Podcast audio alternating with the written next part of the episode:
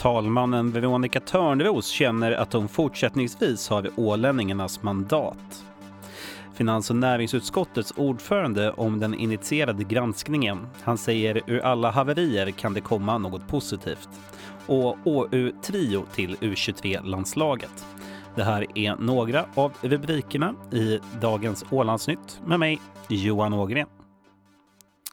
Talmannen Veronica Törnros hävdar att det finns beräkningar av skadeståndet för det upphävda avtalet kring elhybridfärjan som är betydligt lägre än siffrorna som framkom i dokumenten i fallet som blev offentliga igår torsdag. Du hör Veronica Törnros. I de första diskussioner som, som jag deltog i då, som tillträdande lantråd, eller som tillträdande landråd, eh, det var ju den 12 december och då var skadeståndet vid den tidpunkten uppskattat till, till 3,5 miljoner, eventuellt 6,6, kanske 7. Eh, Vad är det för siffror som du hänvisar till nu? Eh, jag hänvisar till de siffror som vi fick i samband med överläggningen av dåvarande tjänst, eller tjänsteman Niklas Karlman. Det finns ju inte i den dokumentationen som nu har släppts till media.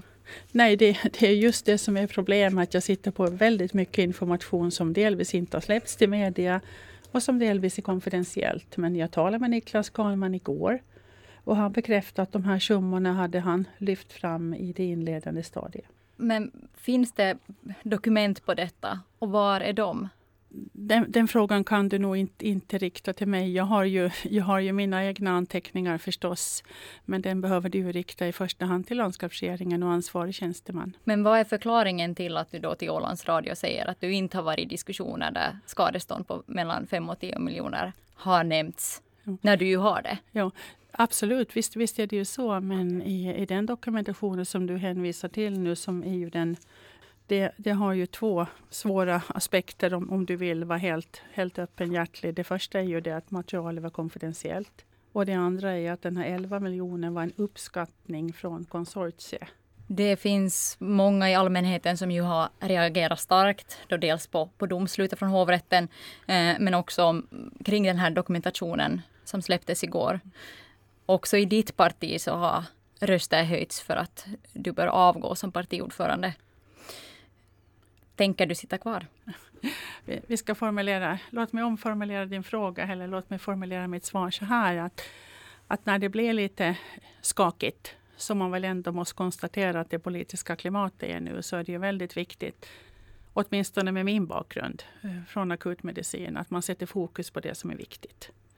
Och det som är viktigt för Åland, det är nu i första hand att vi får det här skadestånd deklarerat, att vi får det här bortbetalt att en, en sak i taget och sen så, så får vi jobba vidare. Känner du att du har ålänningarnas eh, mandat att göra det i det här läget? Det, det tycker jag nog. Det måste jag ärligt talat säga att jag, att jag tycker att jag har. Det har varit, det har varit en del negativ respons som det heter. Eh, men också väldigt, väldigt mycket positivt. Det säger talmannen Veronica Törnros. Hon intervjuades här av Felicia Bredenberg och Rasmus Karlsson. Ålands Radio har försökt att nå Niklas Karlman utan att lyckas. Den tidigare ministern Alfons Röblom från Hållbart initiativ säger att den sammantagna bedömningen inom regeringen Törnros inför hävningen av hybridfärjeavtalet var en annan än det som framkommer i den beredning som blev offentlig igår torsdag. Man trodde att det skulle gå att komma ur en rättsprocess med ett betydligt lägre skadestånd. Du hör Alfons Röblom. Man måste komma ihåg att vi, det, jo det fanns beräkningar om, om var, var skadeståndet kunde hamna. Och nu när vi sitter och tittar tillbaka på det så gör vi ju det med, med facit i hand var det hamnade och, och var det slutade.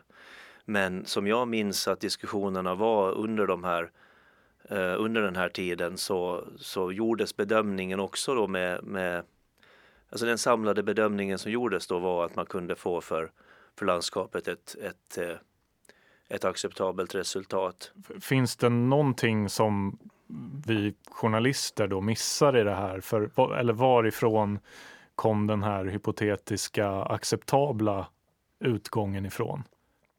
Det, det där är en bra fråga och, och det, det, jag skulle behöva dra mig till minnes mera konkret hur de där diskussionerna gick men, men eh, jag kommer faktiskt inte ihåg från vilket håll eller, eller, eller vad det var som, som någon, vad det var för enskild eh, aspekt i det som, som, som, som var den viktigaste i den bedömningen. Men, men, det, men det var ju så, den, det var den generella bedömning som gjordes då. Det säger Alfons Röblom. Också Christian Wikström, obunden samling och dåvarande infrastrukturminister vidhåller att man trodde att skadeståndet skulle bli lägre än de uträkningar på 11 miljoner som finns i beredningen. Det är förstås ett, ett spann, alltså det, man säger att det här är det värsta som, som kan hända och jag hade nog tänkt att, att vi skulle förlikas i den här processen i ett tidigare skede. Och på det viset så gick ju också både hovrätten och tingsrätten helt och hållet på eh, konsortiets linje. Så absolut var. Så brukar det inte sluta. Har jag förstått. Det sa Christian Wikström från obunden samling reportrar Axel Eriksson och Felicia Bredenberg. Finans och näringsutskottet vill dels återupprätta ålänningarnas förtroende för politikerna samt belysa hela Kortrutsprojektet som en helhet.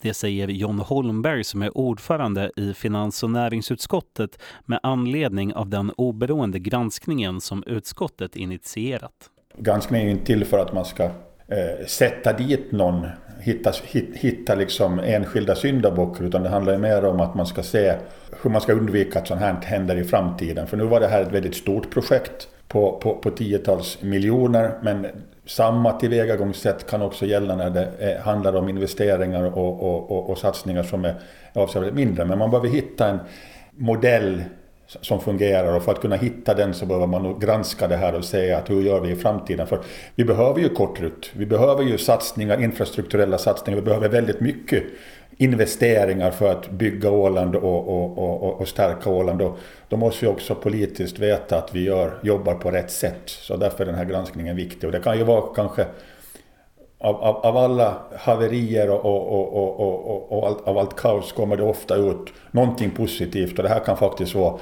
en av de sakerna som kommer ut på ett positivt sätt. Och det är att vi kan konstatera hur vi inte ska göra och att vi hittar modeller hur, hur det ska fungera. Det är en oberoende part som ska stå för granskningen och enligt Holmberg behöver den nödvändigtvis inte komma utanför Åland. Åland är litet och klart den risken finns och den misstanken finns ju alltid vem som än får uppdraget. Men jag är helt övertygad om att, att eh, det finns om man säger, lokala krafter som, som har den kompetens som, som behövs för att granska det här. Det behövs både ekonomisk kompetens och det behövs juridisk kompetens och det behövs en, flera olika kompetenser. Men det finns ju, det finns ju byråer på Åland som jobbar lokalt som jag är övertygad om att kan vara intresserade av att, att, att göra det här. Det är inte vi politiker som ska utreda oss själva. Det, det, då, då, blir det ingen trovärdighet och jag tror inte att vi har heller den, om man säger den, den samlade kompetensen för att liksom se med ett ut, utanför perspektiv, ovanför perspektiv på det här. För vi är många som har, har varit med under de här åren. Och jag tror att vi är färgade av olika saker så att det är nog viktigt att, att, att det blir någon utifrån som gör det. Det sa finans och näringsutskottets ordförande John Holmberg som här intervjuades av Dan Sjöblom. En man döms för misshandel av Ålands tingsrätt efter att ha slagit en annan man på en krog i Mariehamn. Det var i november 2023 som den dömde mannen delade ut upprepade slag mot målsägande som bland annat fick blåmärken och sår av slagen. Den dömde mannen har erkänt och avstod från rätten till muntlig förhandling. Genom ett skriftligt förfarande döms han till dagsböter på sammanlagt 754 euro. Han ska även betala en brottsofferavgift på 80 euro. Slutligen vädret. Resten av dagen så är det halvklart till mulet och mot kvällen så kan det bli ett uppehåll. Vinden är ostsydostlig 4 till 5 meter per sekund. I natt så blir det klart och temperaturen sjunker ner till under 10 minusgrader. Sjövädret på Ålands hav, Skärgårdshavet, Södra Bottenhavet och norra Östersjön. Då är det en ostlig till sydostlig vind 5 till 9 meter per sekund. På norra Östersjön upp till 11 meter per sekund. Lokalt snöbyar samt sjörök. Annars så ska det vara mestadels god sikt. Det här det var Ålandsnytt med mig Johan Ågren.